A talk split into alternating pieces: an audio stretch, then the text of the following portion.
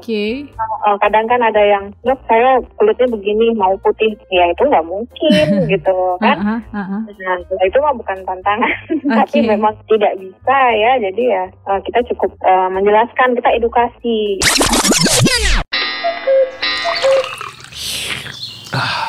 Ngopi yuk, ngobrolin profesi. Hai teman Del, kamu balik lagi ditemenin sama aku Riri Manulang di podcast Radio Del FM Pastinya di segmen Ngopi Yuk, ngobrolin profesi yuk. Nah kali ini nih kita balik lagi ke obrolan profesi dokter teman Del. Setelah dokter-dokter sebelumnya nih yang udah kita ajakin ngobrol ya.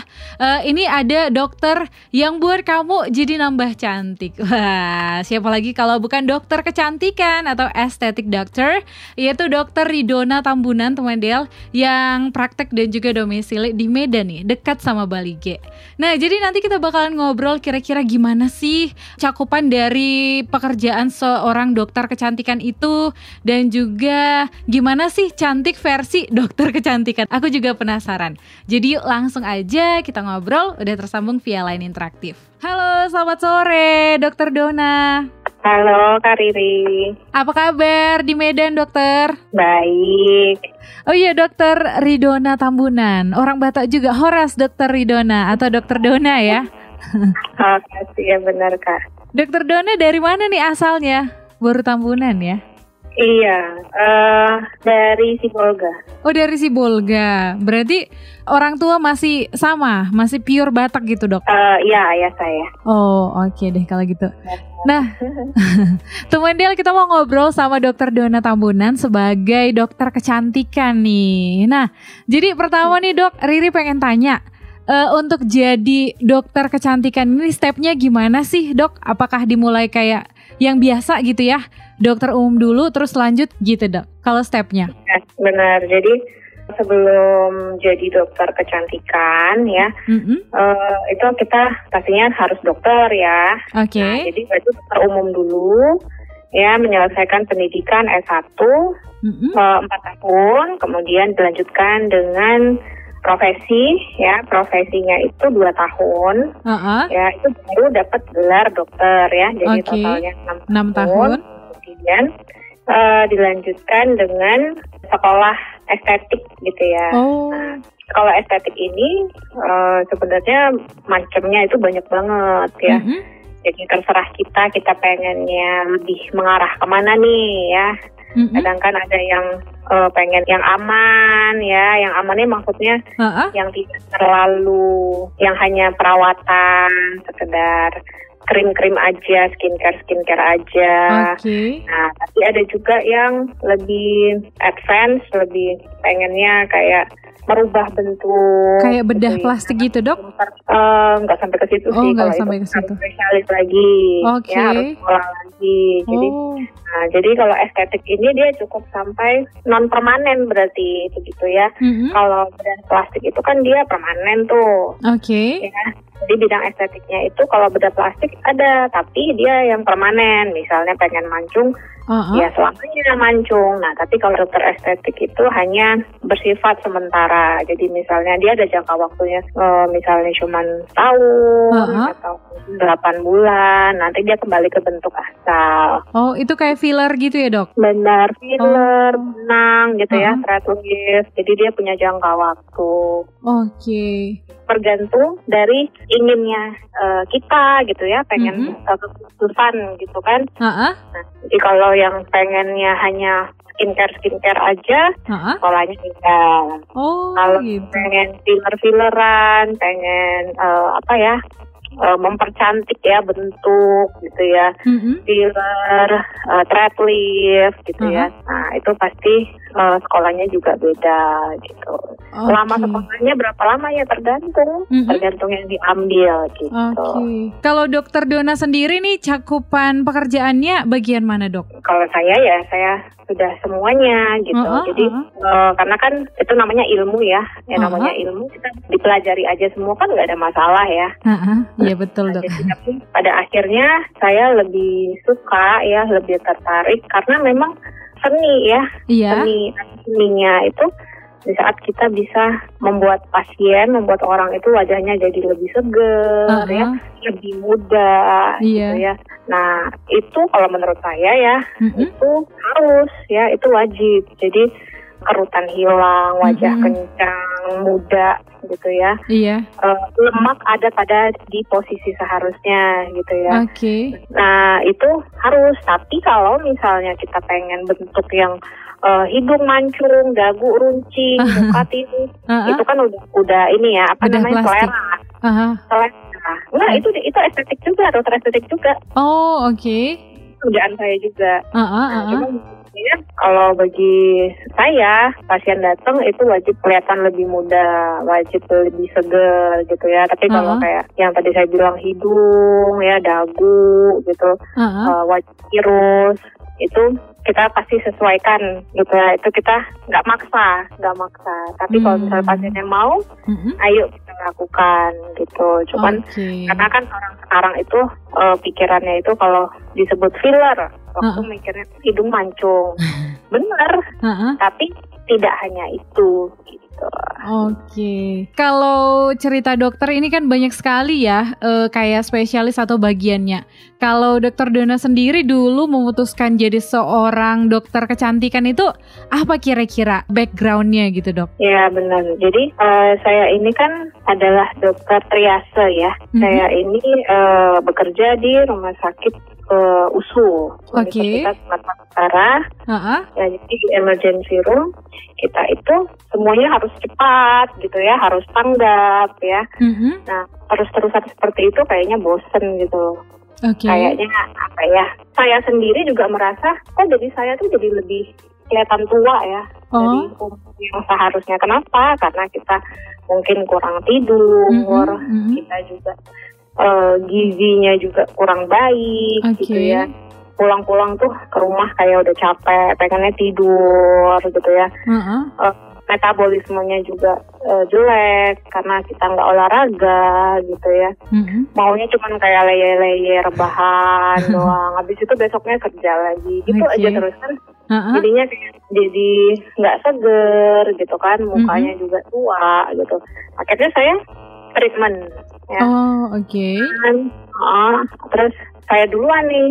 Mhm. Berarti kan yang Iya. eh, Ngalamin gitu ya? ah, ah, melakukan treatment botox, filler. Terus saya lihat, wah langsung apa ya beda gitu segar saya ngerasa kayaknya saya lebih muda deh begini gitu ya Mhm. nah akhirnya ya saya jadi kayaknya ini eh, saya nyaranin teman-teman saya juga gitu ya Heeh. yuk treatment gitu nah, terus mama orang-orang rumah juga bilang kan lebih bagus begini gitu Heeh. nah akhirnya saya eh, kenapa nggak saya aja gitu ya Ah. oh saya dokter gitu ya Uh-uh. dan itu eh, ilmu yang bisa dipelajari gitu ya Heeh. nah ya saya akhirnya em, mengambil em, apa keputusan untuk coba hal baru gitu ya hal Mhm, baru yang mhm. bermanfaat tentunya kan Iya. nah untuk saya juga bermanfaat untuk orang-orang lain ya pastinya juga jadi em, mulai saya sekolah saya belajar terus waktu itu sih saya di Jakarta Surabaya ya Mhm, mhm. kemudian saya kerja di eh, salah satu klinik lah klinik gede ya Oke. Eh, jadi ya buat pengalaman juga ya kan kita Mhm. butuh ini ya apa ya tangan ini kan harus sering dilatih Iya. ya jadi memang eh, selama kita eh, bekerja Mhm. kita nambah banyak pengalaman Mhm. nambah eh, ilmu gitu ya itu yang nggak bakal didapat dari sekedar eh, teori gitu ya Oke. Nah, jadi dan setiap orang itu pasti berbeda. Kita ngerjain pasien A belum tentu sama dengan Hmm. nanti hasilnya dengan pasien B gitu. Jadi memang eh, setiap eh, kasus itu unik Mhm, gitu. Jadi eh, itulah yang kita pelajari. Kemudian saya kembali lagi ke Medan. Heeh. Eh, barulah saya buka Dermafinity klinik Oh, saya. Oke, berarti memang dimulai dari diri sendiri gitu ya dok ya, Benar. pengalaman sendiri ya. Iya. Oke, dokter Dona tadi kita udah ngobrol gimana dokter akhirnya memutuskan jadi dokter kecantikan. Nah, Riri pengen tanya nih dok, untuk ruang lingkup eh, dokter kecantikan itu menangani apa aja sih dok? Apakah mungkin hanya yang bagian kepala atau kayak tadi aku dengar ada kayak lemak yang tidak seharusnya supaya kita juga makin tahu? Ya benar. Jadi eh, kalau cerita estetik ya. Mm-mm. Estetik itu luas ya sebenarnya luas banget ya. Oke. Jadi pokoknya biar enak dilihat gitu ya, Ha-ha. biar punya nilai estetik gitu. Jadi misalnya nih ya, tapi masalahnya standar estetik di setiap orang itu pasti beda gitu ya. Mhm, Mungkin kalau saya menilai, sorry, misalnya orang eh, bule bilangnya kita ini cantik, hidung Oke. yang eh, bulat ya, hidung pendek itu adalah cantik. Tapi kalau kita sendiri Ha-ha. orang Asia itu menilai hidung yang mancung, yang tinggi, yang Iya. tegas itu yang cantik gitu ya. Iya. Jadi perbedaan-perbedaan inilah yang kita sesuaikan gitu. Nah, Mm-mm, mm-mm. kembali lagi misalnya apa aja gitu ya cakupan estetik ini Iya. eh, suhu tubuh ya. Nah, Oke. tapi kita nggak usah ngomongin soal gigi ya. Gigi itu juga ada estetiknya ya. Karena Uh-uh. kan bentuk gigi itu mempengaruhi wajah ya. Iya betul. Kalau estetik ini eh, kita bagi aja ya wajah Mm-mm. sama body ya, wajah Oh, sama body. Oke. Nah, jadi kalau untuk eh, badan pada umumnya itu lebih ke kesehatan kulitnya gitu ya. Jadi kan kadang biasanya tuh ada yang bekas luka Mhm. gitu ya. Mm-mm. Terus apa namanya nih kulit yang kering atau kulit yang belang-belang nggak merata. Nah, Ha-ha. atau balik lagi ada yang merasa kulitnya itu kusam atau eh, agak gelap itu dia merasa tidak tidak cantik Uh-uh. tidak baik ya nah Ha-ha. dia pengen lebih cerah Nah, makanya dia datang ke dokter estetik gitu Uh-uh. ya Ha-ha. nah atau mengenai lemak tadi ya Mm-mm. jadi kalau yang lemak tadi itu kalau untuk badan ya biasanya ya untuk orang-orang yang sudah eh, mengalami penurunan berat badan Iya. ya tapi nggak nggak kecil-kecil di beberapa area gitu ya misalnya mungkin di daerah eh, perut Oke. di daerah lengan paha gitu ya Mm-mm. nah tapi timbangannya sudah ideal gitu ya tapi proporsinya masih belum nah itu bisa diatasi dengan misalnya treatment untuk menghancurkan lemak di area tertentu tadi Oke. tapi tetap dibantu dengan misalnya olahraga ya Ha-ha. Nah, olahraganya juga sebaiknya sih ada personal trainer, jadinya Mm-mm. Dianjurkan untuk gerakan-gerakan yang seperti apa gitu. Oke, berarti biar seimbang gitu ya dok? Benar, jadi tercapai bentuk yang diinginkan sama seperti wajah ya. Kalau estetik di wajah itu Mm-mm. ya seperti itu ya rata-rata sampai sekarang orang-orang masih suka dengan eh, tren wajah yang tirus. Oke. kan wajah yang tirus, wajah yang tegas gitu. Ha-ha. Nah, tapi tetap pada proporsinya. Maksudnya proporsinya ini memang lemak itu tetap dibutuhkan. Mm-mm, mm-mm. Ya, ini cerita lemak lagi nih loh Kak Riri. Oke. Lemak misalnya di area pipi gitu ya, Mm-mm. itu tetap dibutuhkan. Nah, jadi eh, kalau misalnya kita perhatikan ya, eh, wajah orang tua orang tua kita ya, eh, itu pasti di daerah bawah mata itu Iya. itu eh, kosong, pipinya kosong, cekung. Oke. Nah, tampilan seperti itu terlihat tua begitu kan? Iya betul. Nah, kemudian eh, pipi eh, lemak pipi tapi di bagian bawah gitu. Nah, itu Oh, kan kayak turun gitu ya dok? Ah, ah, benar. Jadi pipi tapi eh, jatuh gitu. Nah, Iya. itu kan terlihat ya tua. Tua gitu. juga, iya. Nah, itu juga banyak terjadi di usia-usia muda. Hmm. Nah, inilah yang ingin kita treatment ya agar dia terlihat dia lemaknya itu ada di posisi yang seharusnya. Hmm, Tuh, oke. jadi Tetap eh, kelihatan seger ya, Mm-mm. tetap kelihatan muda gitu dibandingkan dengan misalnya ini terjadinya itu orang-orang yang suka diet Uh-uh. ya menurunkan berat badan Iya. tapi eh, asal aja gitu loh tidak terkontrol jadi Oh. eh, makannya itu dikurangin semuanya jadi penurunan berat badannya drastis Oh, ah. akhirnya Nah. jadi turun jatuh gitu ya. kolagennya rusak Hmm. elastinnya rusak sehingga eh, penahannya ini kan ada ini ya lemak ya nah itu Iya. fat loss-nya itu banyak banget akhirnya pendukung jaringan di area sekitar pipi atas itu kosong Hmm. ya akhirnya tampilannya seperti orang sakit seperti Oke. orang tua gitu ya Mm-mm. smile line-nya jadi tegas jadi jelas gitu nah Oke. akhirnya tidak sesuai dengan usianya gitu Hmm. Nah, tapi tetap kalaupun apa namanya nih wajahnya sudah eh, bagus ya, Mhm, seger, muda ya, posisi lemaknya sesuai tempatnya. Tetap orang kita itu kiblatnya masih kayak apa ya, ke Korea ya. Kalau Ah, orang Korea itu kan oke. sekarang-sekarang ini tirus-tirus Heeh, gitu. kurus-kurus, tirus-tirus, ah, putih-putih gitu. Benar, hidung mancung, eh, dagunya itu Lancip. lancip, kulitnya putih gitu kan. Heeh, Nah, itu yang tapi tetap eh, kuncinya wajahnya kenceng Oke, ya kan gitu Heeh. ya artis-artis Korea kan. iya. Nah, jadi itu yang diinginkan eh, sama eh, Pasien pada umumnya ya. Nah, ya Hmm, itu akan kita lakukan tapi disesuaikan juga dengan wajahnya. Oke. Nah, begitu. Jadi kalau misalnya ini kan dok jelas ya ke dokter kecantikan berarti pasti diperhatikan dari segi kesehatannya. Jadi setelah itu apakah kayak ketergantungan misalnya kayak botox atau apa atau mungkin akan ada perawatan yang terus menerus gitu dok atau kalau misalnya mau kayak tanam benang dilepas udah dia normal lagi seperti semula kira-kira itu gimana ya dok? Ya benar. Jadi eh, kalau treatment dibilang eh, ketergantungan Mm-mm. itu sebenarnya gini kan kita udah biasa nih ya melihat misalnya eh, hidung ya Iya. hidungnya sebelumnya itu pesek ya. Nah Oke. terus setelah treatment hidungnya jadi mancung. Heeh. Nanti setelah beberapa bulan akhirnya eh, hidungnya mulai eh, kembali pesek pasti kan ngerasa dong. Aduh, Heeh. pengen lagi nih mancung. Nah, kalau yang seperti itu dianggap apa dong? Ketergantungan. Ketergantungan. Nah, kita nggak tahu Oh. kan ya. Terserah, itu terserah ya. Jadi kalau misalnya ada yang anggap itu ketergantungan, Mm-mm. ya bisa jadi dia sudah dia sudah terbiasa melihat wajahnya itu mancung hidungnya. Begitu hidungnya pesek lagi ya dia merasa oh aku harus up lagi gitu. Nah, tapi kalau tidak dilakukan lagi ya nggak ada masalah. Hmm, nggak ada masalah. seperti semula. Oke, Nah, kar- itu hmm, karena memang tadi ini bukan permanen ya dok ya. tidak permanen benar. Kecuali kalau bedah itu yang dokter bilang tadi itu memang permanen gitu ya dok ya.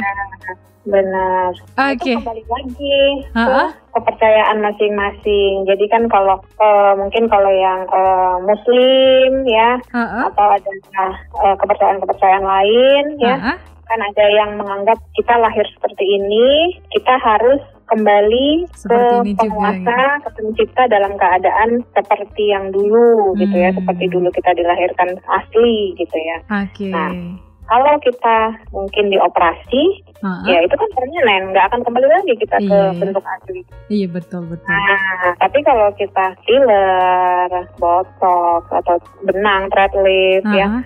itu ya kita akan kembali lagi. Hmm. Nah, nanti ya udah waktunya habis dia terserap oleh tubuh ya Aha. kalau pakai yang yang aman ya. Aha, Tapi kalau yang nggak aman banyak ya, ya nggak akan kembali juga bentuknya tetap nggak akan kembali gitu kan.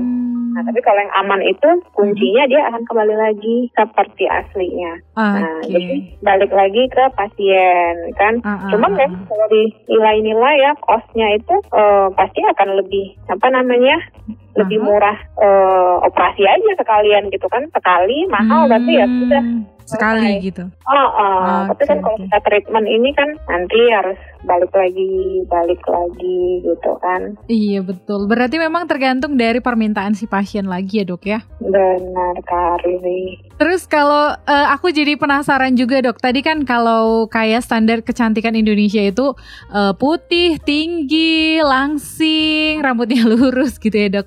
Padahal sebenarnya kecantikan itu relatif. Jadi aku kepo nih, kalau dari dokter Dona sendiri eh, definisi cantik itu yang seperti apa sih dok? ya jadi kalau menurut saya ya eh, cantik itu adalah eh, relatif ya jadi kita terlahir dengan eh, etnis apa nih suku apa gitu ya Mm-mm. Eh, misalnya kita orang eh, Papua gitu ya Heeh. orang Papua ya sudah pasti kulitnya eh, gelap, Lebih gelap. ya Mm-mm. nah ya itu cantik untuk dia Mm-mm. gitu kan nah yang penting apa kulitnya sehat kalau Hmm. sudah sehat sudah pasti glowing Oke. Nah, jadi kalau pasien tuh mintanya saya pengennya glowing dok Heeh. ya sehatin aja bukan diputihin bukan Ah, cukup oke. disehatin aja jadi tidurnya cukup makannya bergizi ya eh, dietnya seimbang ya terus Heeh. eh, pakai skincare sesuai dengan kebutuhan kulitnya jadi Mm-mm, mm-mm. penting untuk mendiagnosa kulit itu kulit apa gitu ya Oke. jenisnya apa kebutuhannya apa dipenuhi gitu ya Heeh. Nah, nah, terus kurangi stres, manajemen stres Mm, ya. mm, mm, mm. Nah, kemudian melakukan treatment ya, treatment yang eh, rutin misalnya sebulan sekali gitu Mhm, ya. mhm. Kan ada yang begitu. Kemudian ada juga eh, treatment yang eh, harian, treatment harian itu ya misalnya skincare, Skincare, ya. oke. Minum air putih yang cukup, olahraga ya untuk Mhm, meningkatkan mhm. metabolisme kan. Oke. Nah, itu pasti cantik. Oke, bisa dikatakan kayak eh, motonya salah satu minuman ini, healthy inside, fresh outside, yang kayak gitu ya dok ya. Benar benar. Oke, Iya. eh, terus ini dok, kira-kira apa nih yang eh, paling berkesan untuk dokter? Terus juga apa tantangan dokter sebagai dokter kecantikan nih? Mm-mm. Ya, jadi eh, selama jadi dokter estetik ini, oh iya, sebelum saya cerita ini dulu, Mm-mm. saya sebenarnya eh, tamat ya, tamat jadi eh, sekolah dokternya itu dari 2011 ya. Oke. Tahun 2011 itu kan eh, masih ininya ya, masih senang-senangnya belajar gitu ya, masih Mm-mm, mm-mm. fresh-freshnya ya baru tamat. Nah, itu saya memang masih belum kepikiran untuk jadi dokter estetik. Oke. Eh, akhirnya jadi dokter estetik, saya justru eh, apa ya senang banget gitu Uh-uh. ya. Nah, senang banget kenapa? Karena eh, kita itu benar-benar bikin orang jadi apa ya berubah, Mm-mm, berubah menjadi hal yang lebih baik tadi ya. Ha-ha. Nah, jadi pasien itu yang paling saya suka tuh setelah saya kerjakan mereka wah keren banget ya dok. Ah, Saya jadi saya jadi cantik, saya jadi apa gitu ya. Oke. Nah, apalagi nanti mungkin setelah seminggu, setelah Mhm. satu bulan sudah semakin bagus hasilnya, dia akan selfie selfie terus dia kirim thank you dok, wah itu Hmm, benar-benar- kepuasannya di situ ya. kepuasan. Oh, oh, benar apalagi yang yang hasilnya signifikan gitu Ah, ya. ah, ah. Nah itu juga eh, apa ya kayaknya itu juga tantangan ya. Jadi rasanya kayak kalau ada pasien datang dok saya pengen kayak gini jadi Oke. kita menyelaraskan gitu ya Mm, mm, mm. menyelaraskan keinginan pasien sama kenyataan gitu Oke. Eh, kadang kan ada yang dok saya kulitnya begini mau putih ya itu nggak mungkin gitu kan ah, ah. Nah, itu mah bukan tantangan, tapi Oke. memang tidak bisa ya. Jadi ya eh, kita cukup eh, menjelaskan, kita edukasi. Jadi edukasi itu Mm-mm, memang penting dan juga foto ya. Kita Mm-mm. foto before dan afternya. Jadi Oke. pasien itu kadang suka, tuh kok nggak ada eh, ini ya gitu kan? Kok nggak ini ya? Nah kita lihat dulu ya ibu foto before-nya gitu. Setelah Uh-uh. Kita lihat. Oh iya, ternyata before-nya seperti ini gitu ya. Kadang Hmm. mungkin lupa ya Oke. awalnya seperti uh, Lupa denial asalnya gitu ya.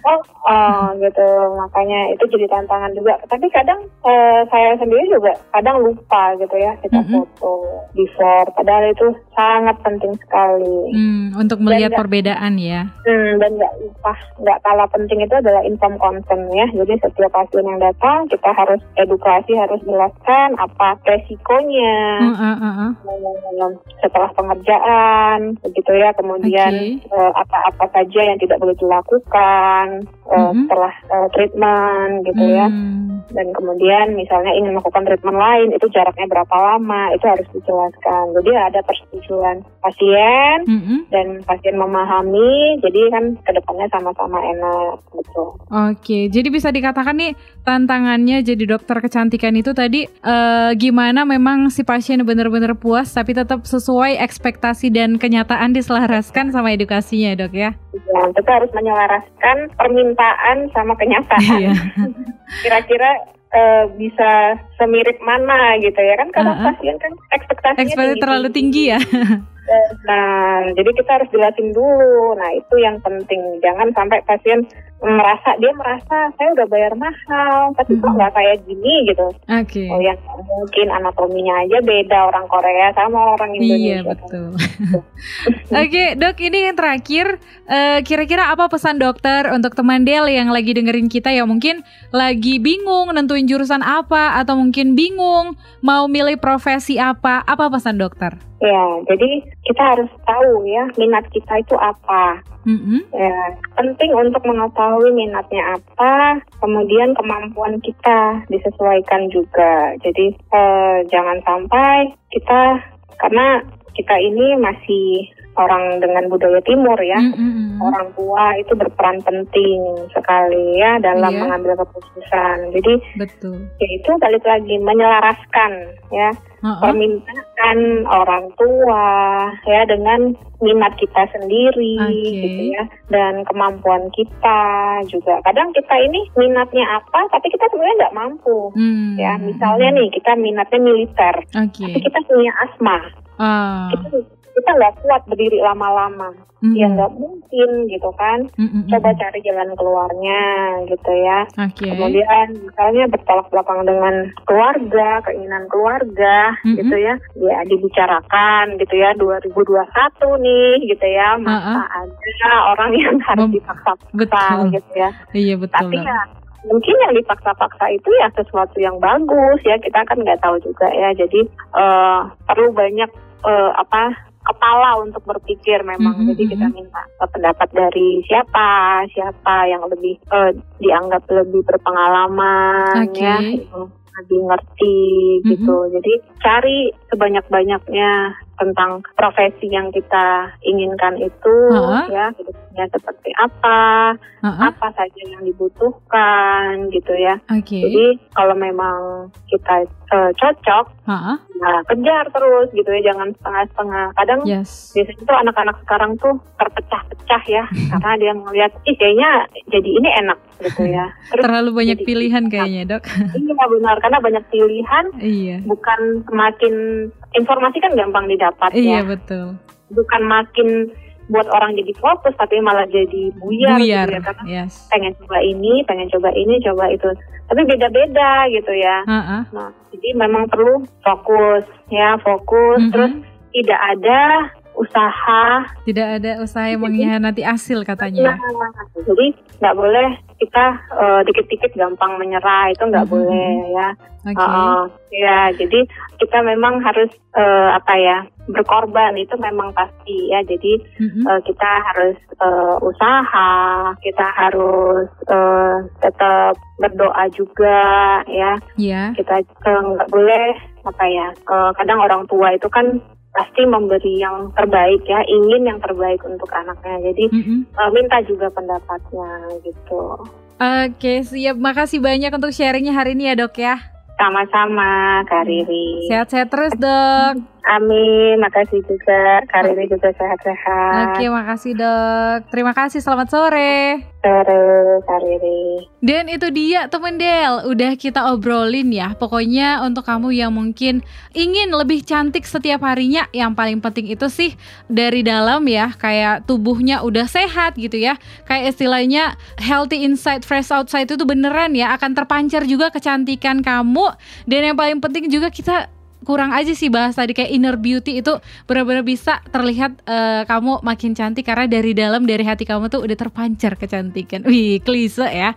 Tapi bener loh. Jadi makasih untuk kamu yang udah ngobrol-ngobrol bareng aku dan juga Dokter Dona hari ini.